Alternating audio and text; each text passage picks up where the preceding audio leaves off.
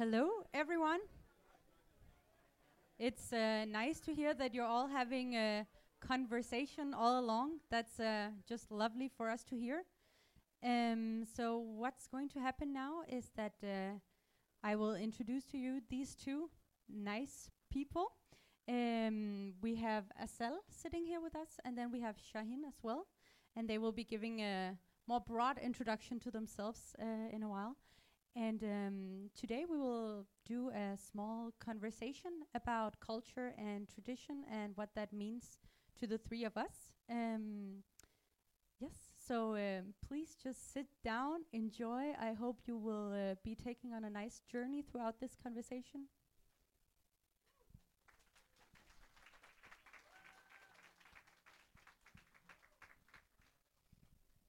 Yeah. Um, so, for a little background information, my name is Sofia. Um, my mother is Danish, and my father was from Iran. Um, he passed away three years ago, and that's why Nowruz and the Iranian traditions to me now are even more important than they were before. And that made me think what does tradition and culture mean to other individuals, and how do they view it? Uh, as intercultural people. Um, so that's a bit of the background for this conversation from my point of view. Um, so first of all, Shahin, I would like to ask you uh, to give a little introduction to yourself. And we have a little um, friend book uh, in Danish, Vennebog, um, where we have a few questions that I would like to ask you. So Shahin, can you tell us what is your full name and occupation? Uh, my full name is Shahin Aakjær Sayed Nasrullah. Wow. and uh, my occupation, it's always a difficult uh, question. Mhm. I do many things. I'm s- some kind of freelancer. Um, yeah. Um, I've written a book, translated a book. Uh, I'm making music. I'm teaching kids how to rap. So it depends on which day you're asking. yeah. well, that's always nice to have different occupations. Um, and then I wanted to ask you if you could give all of us a little recommendation of something you like to do, enjoy watching, or something you find interesting. Wow, that's uh, that's also a very very good question. Um, I just started rewatching Riget Yeah. uh, with my uh, wife, and uh, today we saw the second uh, part of it, and uh, it's still very very good. well, that's always nice with a little recommendation. Um, and do you remember what made you laugh the last time? Or one thing that made you laugh recently? Yeah, uh, my daughter just uh, learned how to say stop. Uh, and also to, to scream help. Uh, it can also be when I want to kiss her and she's screaming for help. So uh, that's making me laugh. Yeah. that makes sense. and um, yeah, that's good things to hear from you. Um, and now we will continue to do the same with you, Asal. Mhm. So could you also provide us with your full name and your occupation? okay, my name is not that long. Um, it's uh, Asal Mohtashami. Um, I'm 32 years old and I'm an educated architect and uh, urbanist and have my own firm where I work with like um, uh, in youth involvement, urban development, feminist urban planning and stuff like that. Yeah. And can you also give us a little recommendation? I mean, some of it, yeah, I mean, Riget is actually good. I still think the first one was a bit better, but um, but I think, I mean, is yeah, the thing is like a lot of things I like, but they are in German, so no one can really enjoy them. Ah. Danish should be way better at German. So I think you should give a German recommendation for people to, to Yeah, but I mean, uh, yeah, I mean, I like a lot watching like Jan Böhmermann, but I mean, most people don't know that, but it's um, He's great. Do you Yeah, know yeah, him? yes, I do. A German comedian, Mhm. and uh, I'm uh, very much into German gangster rap. And he made a Oh. wonderful parody of uh, of the the police. The yeah yeah the yeah. Ich hab Polizei. Uh, That's a good recommendation. yeah. Oh So now you all know what to go home and watch. Oh shit, it's so funny. And one thing that made you laugh last, if it is not right now, then another thing maybe. Um, about mean series and stuff like that. That can be anything. As Shahin with his. Now where I need to come up with something very smart, it's very hard to come up with. You can say anything. also, Um, right now is also a good answer. I mean, it's more if I say something wrong in Danish and then my boyfriend is like correcting. Makes good sense. Yeah. Um, so thank you for giving a short introduction to yourselves. It's uh, probably nice for everyone to know who you are. Um, just a small uh, detail of who you are. Um, so today we will be going into traditions and uh, culture and what that means to you. And today we're celebrating Nowruz, and to me that means um, having dinner with self-chosen uh, Danish Iranian family, um, and have sin table as my mom has made down here. Uh, you can see if you haven't seen it now. And what does it mean for you, Asal, to uh, celebrate Nowruz? I mean, I don't celebrate it uh, the same way, or like I don't have to have sin, and and I know I'm it's very bad, but I'm always telling myself next year I will do it. But I grew up with it as like in my childhood, it was like a very essential thing. It's like the juletree, like the Christmas tree in Danish culture. It's a very important thing, and it's there's this whole process of growing the weed, and it takes like these two, three weeks, and then then you're already like looking forward to that it's getting like Nowruz. But because of the different things, I haven't cultivated it the same way, but I would like to. Yeah. And what about you, Shahin? Has it? Uh, are you still celebrating? Is it still a part of your everyday life or every year life? More every year than than every day. Uh, I think I wanted to be a bigger part. You also told me uh, us that that it started to to have a new meaning for you after your father passed away, and I think I can feel that it means more to me now. I have a daughter, uh, so and she's turning two. So I I have decided next year I will have the Haftsin because for me traditions is often close connected to family and uh, now I have some responsibility to bring on traditions in a family perspective. Yeah, and that was also one of my questions that I was thinking about. How do you see yourselves growing with a tradition like Nowruz? Do you because now you want to pass it on as something you want to give on to someone? Um, is it the same way for you, or what is your view on it? I mean, right now I don't have kids, Yeah. but I mean, it is something I would like to pass on because it's not. Nowruz is not about like in reli- It's not about Islam or anything else. It's about like this entire process of like n- new day, a new year, and like kind of leaving the year before behind. And it, it's a very old tradition. I mean, it's very interesting that it has nothing to do with religion in that sense. Um, and now, then, uh, I mean, isn't it from the Zoroastrian culture coming? Yeah. Um, just wanted to be sure because you're the expert. um, and the entire Zoroastrian approach of life and death, and how we as humans give part of our body back to the nature, and I mean, the entire philosophy behind it is very poetic. Like, yeah, Yeah, yeah, there is a more meaningful meaning behind it. And um, yeah, it's really nice that you also brought that up because I think it's it's not rooted only in religion, but also what you make it and what you uh, want it to be, and you can emphasize the things that make sense for you to emphasize. Um, but in your childhood, for example, how did it uh, look for you, Shahin, to celebrate uh, Nowruz?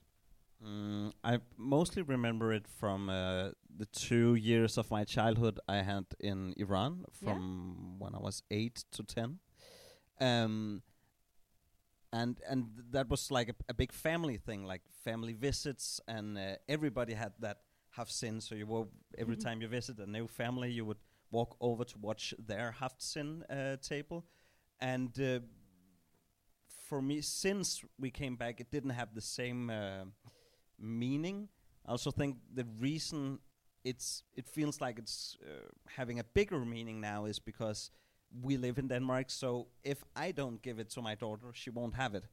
Um, so for me, it's a family thing, definitely. Yeah. And you're totally right about it's it's not a religious thing anymore.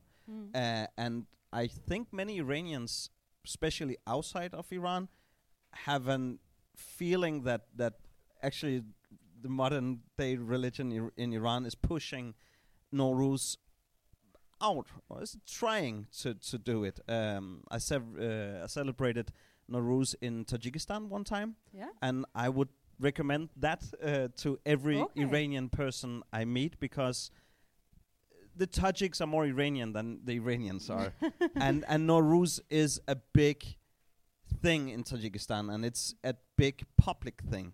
It I don't feel it is that anymore in Iran. It's not like we have Chorshambe Suri, uh, where people are, are jumping over fires in the streets and stuff like that.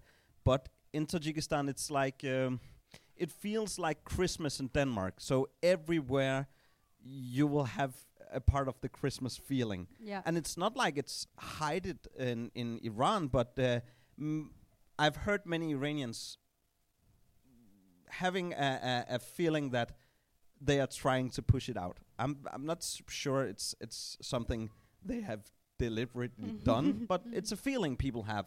And for me, it was a big difference to see it in Tajikistan. yeah. Mm.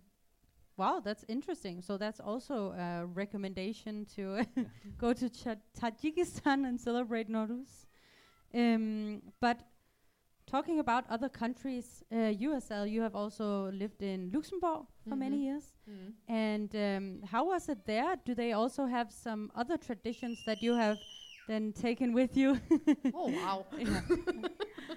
That's live, you know. You can't do anything about it.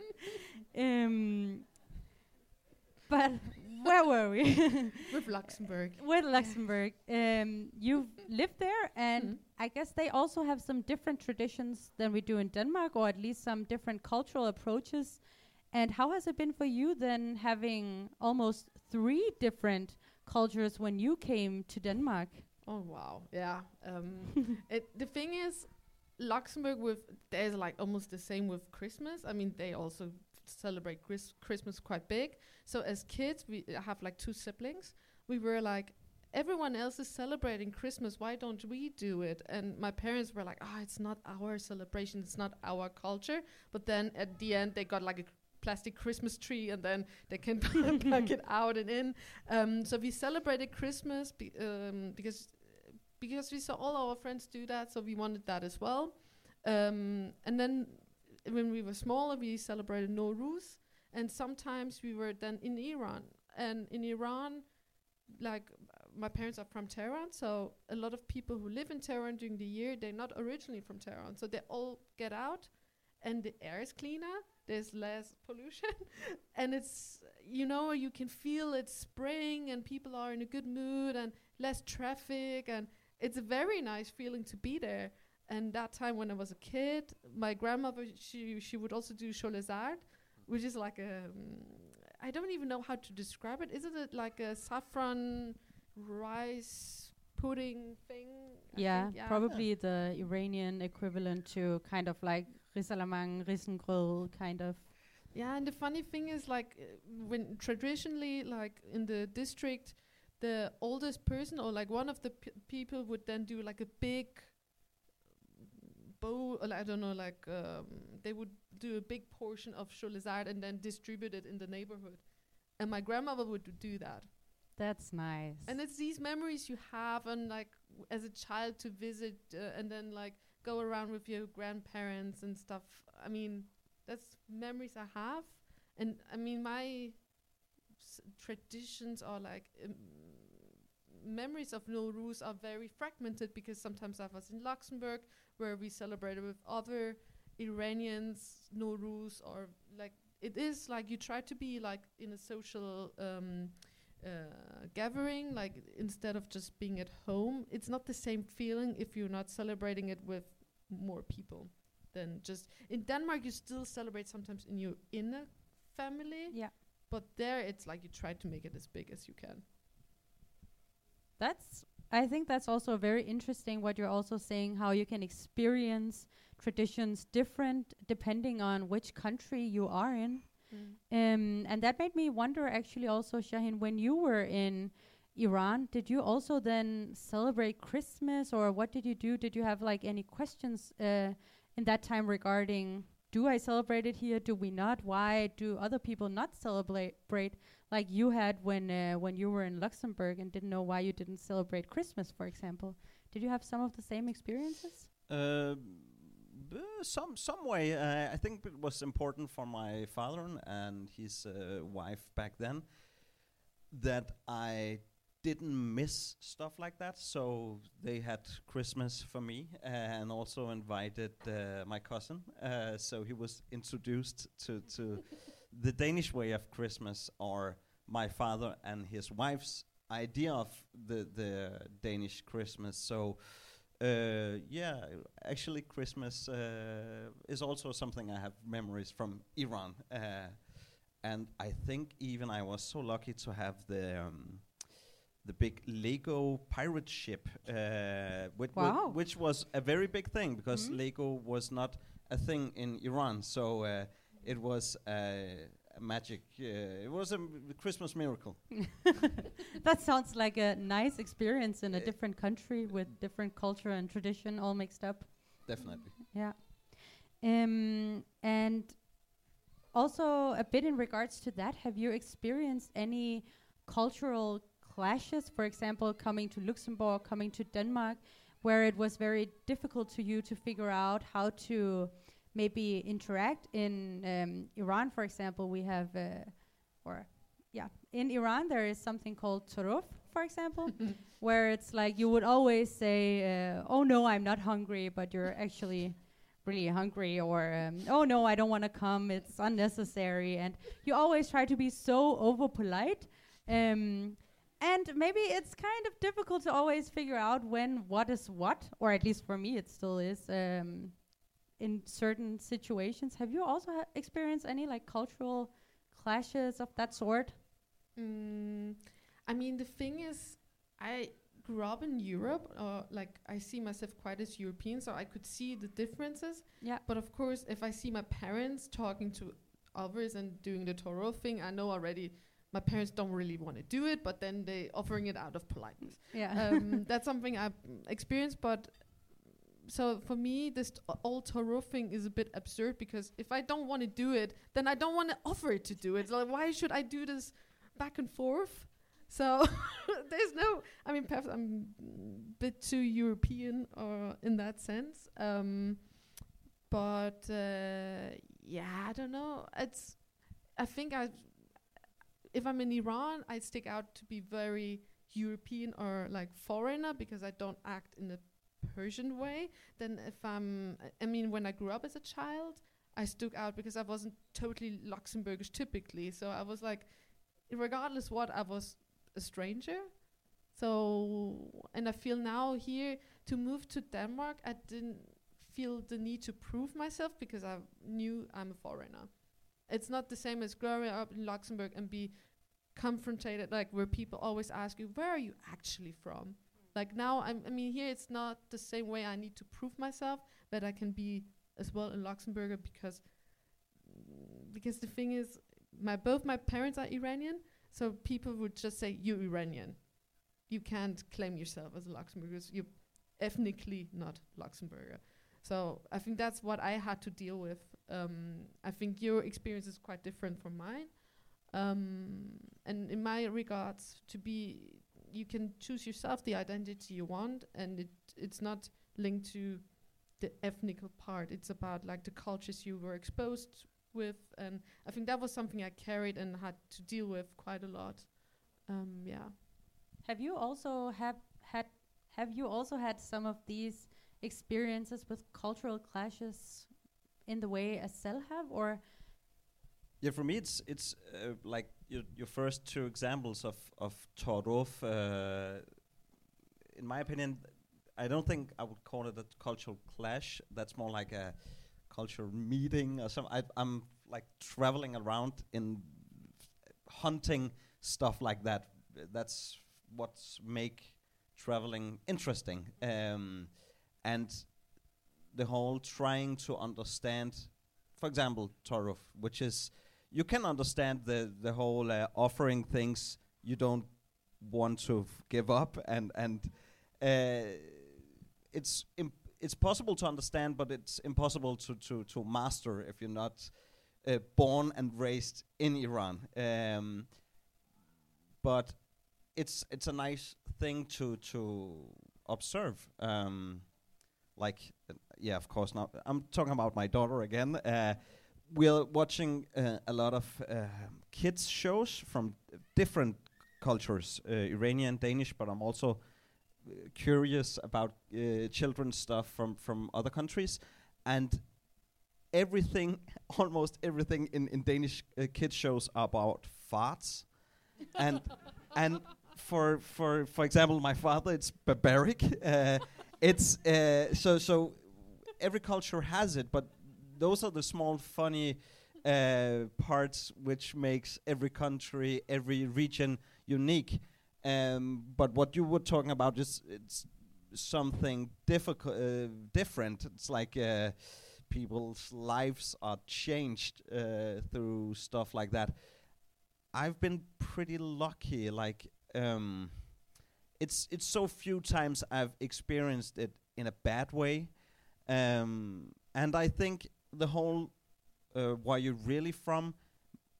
Most times I've heard it, people have been asking because they were curious, because they wanted to find a, a common third thing. Uh, I've even heard, "Wow, you're from Iran." Okay, I've been to Istanbul once. they are making so nice food. Like in in uh, people were trying to find something we had in common. Um, of course, there's people who asking it because they want to know how much of a stranger you are.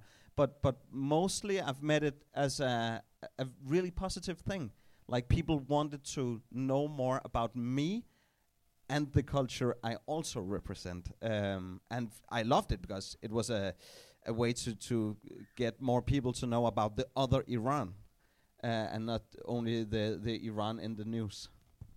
I think that's a very good point also about the other Iran that and that's something that we can choose to promote, right? As uh, Iranian or half Iranian or however you feel Iranian, uh, it's something that you can choose to promote, and I think that's um, so important that you choose to do it and to also find those good common grounds that you have. Um, and have you, Shahin, for example, um, do you have some things in you or that you have uh, experienced from Iran where you think everyone should experience this? Like, for example, it's it's funny to experience, or not funny, but interesting to experience Taarof, for example. Uh, but are there other things um, where you think, oh, I wish I could take everyone to Iran and experience this? I want to say everything about Iran. I want to take everybody in the world to see not only Iran, but like as many places as possible. But I think also the the difficult parts of Iran have made me think in another way. Like um, I've become a, a political uh, human being because I have two years in Iran and I've seen not only the other Iran but another way to to live your life and another way to to govern a country uh, in in both in a bad way but also in a good way. I've seen that that we are not necessarily the good ones and they are not necessarily only the bad ones. And I think that that's a very important lesson I've learned in my life. So Taarof is nice, but but everything like Iranian food, Iranian people, hospitality, but also uh, the the their view of the world. Like, in my opinion, the, the news in Denmark are mostly about Denmark or the United States, and if it's very exotic, the UK. Uh, and people in Iran know so much about the rest of the world. Like, if you're in Iran, people also ask me where I'm from in Iran because I act like a foreigner uh, and I look like one. So when I say I live in Denmark, they know we are the happiest people in the world. Uh, th- th- that's amazing. What do we know about Iran? People are thinking about Romanian child soldiers and like that's the stuff people know about Iran. And Iran is also Romanian child soldiers, but it's way more than that. Um, and uh, I think that would be a, f- a f- huge lesson for everyone. Yeah, that's uh, hard to follow up on. I think you said a lot of great things uh, that I completely agree with. Um, but what about you, Asal? If you would have to say something everyone should experience about Iran, I think to travel there at some point uh, when it's a bit easier, uh, like um, I mean, I have a lot of memories, like as well as I think for me to travel as a child and as an adult to revisit the country and revisiting. I mean, it's very interesting because I sort of can relate, and they sort of read me as an Iranian, but as well they would see me as a foreigner. But then just going through the streets, the bazaars, like going through like different tunnels and then see the people and then they drink tea and then like the, all the street food and like all the things they're selling and then you go to the parks and people very being social and the cafes and uh, uh, people are very social. They, th- it, for them, the public life is very important to gather and because it's very hard to meet at home, so it's a lot happening outside and a lot with walking. The, the, um, the, there are also mountains in Tehran, so a lot of people go to the mountains and walk around and drink tea or co- of coffee or anything else. Um, that's the nice thing. I was fortunate to travel back then when I was a student with my university to Iran, and we um, stayed at night and um, in tents in the desert, and we woke up in the desert at 5 a.m. with the sunrise and I, I mean that was like a memory I will never ever forget. And I mean it's the desert, but it's not the classical desert you imagine with sand. It's also the mountains and um, the colors of the mountains. There, it wasn't just brown; it was all these kind of reddish and turquoise colors. And I mean to see the nature and like travel around in Iran and uh, see uh, Isfahan and Shiraz and I mean there's so many different places I haven't even seen in Iran, but it, it's so beautiful. So yeah, now I'm a tour guide almost. so hopefully we can all soon go to Iran and explore and experience um, a lot more. That would be amazing.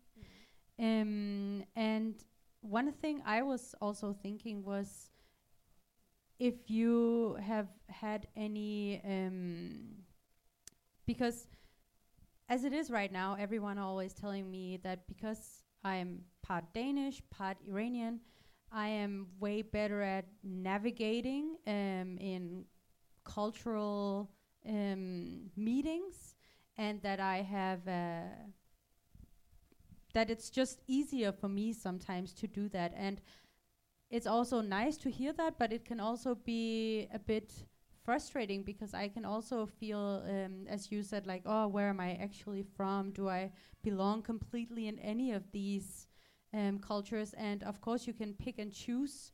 Uh, and I, I feel like I am in the lucky position of picking and choosing. Um, have you also felt that way that you can pick and choose things from uh, from both sides and both cultures and combine it into like your own unique personality and view of life? Yeah, definitely. Uh, my book is called Verdensbarn, like Child of the World, and and uh, I chose that title because of that feeling. Um, I I knew I was different in Iran uh, because I was lighter than than the rest of uh, my classmates, and when I came back to Denmark, I also felt like a s- foreigner because of my name and my worldview uh, and how my food looked and stuff like that. Um, but when I was in my twenties, uh, I got back to Iran and and once again saw I was a foreigner there, and it took me some some time to to get used to the thought like I'm a foreigner everywhere somehow, but but I could turn that into feeling at home anywhere. So I take that with me when I'm traveling to whole new places. But I think it it was a very important thing for me to to have a relationship to a relation to to Iran and my other culture. I know people uh, who think they belong to Turkey or Lebanon or whatever, but they have not been there or they don't speak the the language probably, uh, and so they don't belong there, uh, and they need to find that out to feel they belong here or what wherever they want to. It's like, or else you can search for a, a place to belong the rest of your life. Uh, yeah, that's not a secret uh, place for you where where just you belong, unless you make it into that place. I just want to add a little thing. Um, because I felt always like I'm there, a foreigner. Growing up in Luxembourg, I was a foreigner. I always felt I need to be either one of these two. And I think it's going back to what your friends were referring to. Oh, we are from Lebanon or Turkey. And they had a hard time to relate to because they've got the feeling that they perhaps don't belong here. And that's what I felt. And then I was always, I had like this weird thing in my head. When I'm 15, then I know where I'm from, and then I'm going out and say I'm from Luxembourg. No, I'm I'm Iranian. But then I was postponing that decision, and then at the end I found out perhaps I don't need to decide. I, perhaps I can just say I'm both, and that's why I, I'm always saying I'm Luxembourgish Iranian, and I have and, and I'm also defined by the languages I speak. I sp- speak six languages, so it's sometimes a bit confusing. And it defines me and my personality. When I speak German, I make different jokes than speaking English or Danish and uh, French or whatever. And then it, def- it really shapes my personality, the def- languages. So for me, it's not really about the nationality, it's about the languages I use, in my personal opinion. So it doesn't need to be this one box you need to fit in. It's yourself, and identity is fluid and dynamic, and it can also change in five years, depending of who I'm meeting and where I'm living and experiencing. So, just something to add on. Yeah, I think that's a very nice way of viewing it also because you change through life and you have different experiences so you don't have to be 15 and decide which country you're from or where you feel the most belonging to um, that can just change throughout life and that's um, that's a very nice viewpoint I think and something that I sometimes forget that I also don't have to be one or the other but I can be both and I can be me and um, not choose one of these identities, so to say, uh, or cultures that I only relate to. Um, yeah, so thank you both for sharing that. I think that was very, very nice. Um, I think what we're leading on to now is to see if there's uh, anyone in the audience who would have any questions they would like to ask us uh, or to uh, Shahin or Asal. You are very much welcome to just raise your hand a little and then um, you can ask the question. Uh, oh, is it on? Yeah. Sure. Uh, Shahin, um, I probably will understand noth- none of it if I try to listen to it, but are there any good Iranian rap artists you would want to recommend? Yes, uh, definitely. In my opinion, uh, Iranian rap is in a golden age right now. Uh, they have uh, a lot of inspiration, of course. Uh, uh, Toomaj is, is definitely a, a wonderful lyricist and, and rapper, and uh, right now in jail. Um, like Iranian rap took some time to find out how to sound good in Persian. Uh, it took very long time for Iranian rappers to to find a way to rap nice. and uh, when they found that, many of them still didn't have subjects which was valuable somehow. It it was strange and non-Iranian and and not not interesting. But Hichkas um, is often called the godfather of Iranian rap, and uh, in my opinion, he invented a new style, a Iranian style, and after him, there's so many wonderful Iranian rappers, and Toomaj is definitely one of them. Um, I just heard uh, uh, Iranian rapper Shahpur uh, made a new track today. I haven't heard it, so I can't recommend it. But everything else I've heard from him was good. Uh, also, uh, Dariush, not the the old Not classical singer. Dariush, but a new Dar- Dariush. Um, Iranian rap is in a golden age right now, and um, even though you wouldn't understand it, you will still get the energy. You're so welcome.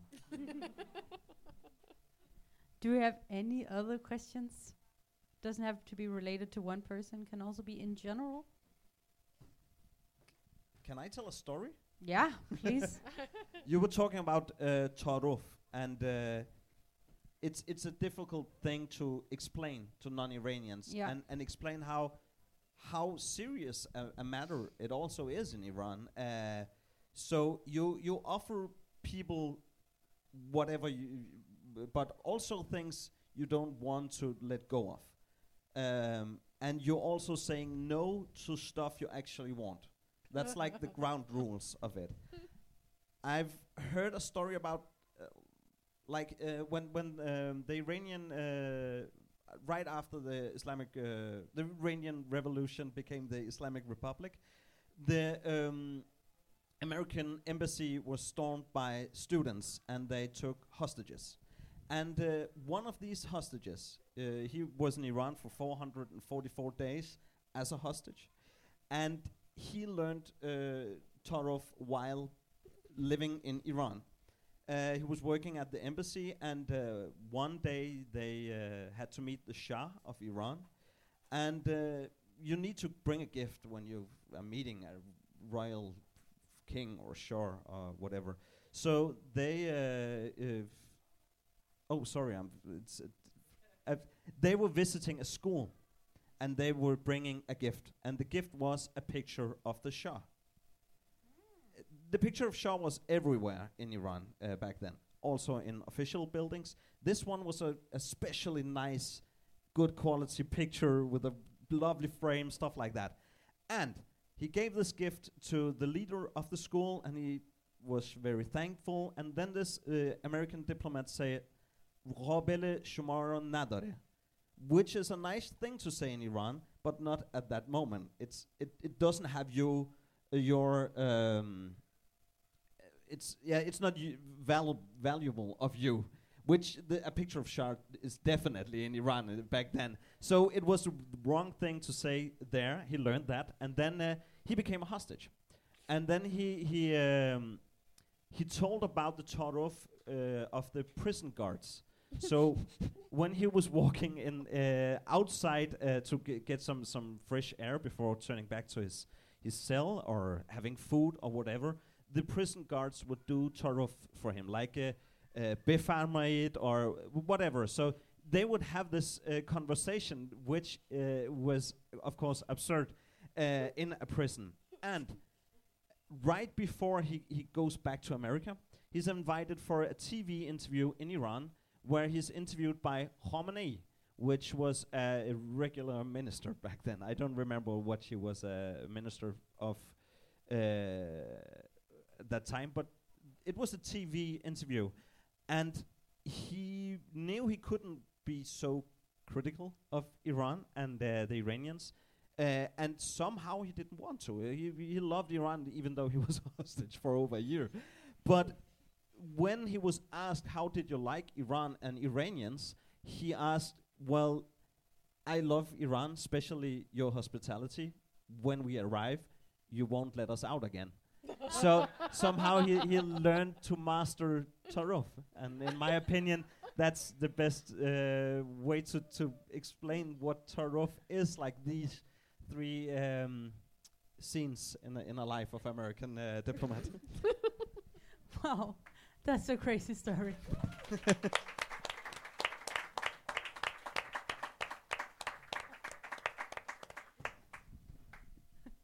I also don't know how to follow that up.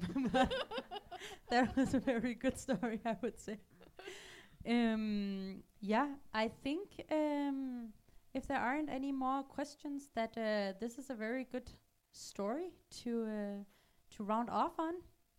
Um, And I will also say that Shahin has a uh, podcast on DR Pod right now um, that you can listen to called Fædreland, if I'm not wrong. Uh, it's a very, very nice podcast that I will personally recommend that you listen to. And uh, Asal, she's also doing a lot of projects. Not a podcast. Not a podcast, but Ye- other projects. Um, she is, for example, right now engaged with uh, a project called Flækken, which is a new culture house in uh, Nordhavn. Um, so they are both very uh, doing relevant things right now, and uh, you will probably see them a lot of places in the future, I think. Um, so I want to round this off and say thank you to the both of you for participating, sharing your personal stories with all of us here today. Um, and I also want to thank uh, Union for having us today and for providing us with uh, a place to be. And uh, that's just amazing. Um, and you can follow us on uh, Instagram on ensomdig underscore podcast, where you can listen to all our episodes and um, this one, which will uh, be available in a few days if you want to re-listen again. um, and I am of course not doing this alone. I'm doing this with uh, Clara Vestergaard, who is um, our editor, and Olivia Anna Christensen, who is our producer. And uh, I just want to say thank you so much for all showing up tonight. Uh, it's just lovely to see all of you. And um, have a little break, but then in a few minutes, uh, we will have a little surprise concert for you, uh, a live stream concert. So um, have a little break, talk to each other, and uh, then we'll see you around in uh, 10 minutes or so. Thank you to the both of you. You're welcome. Thank you.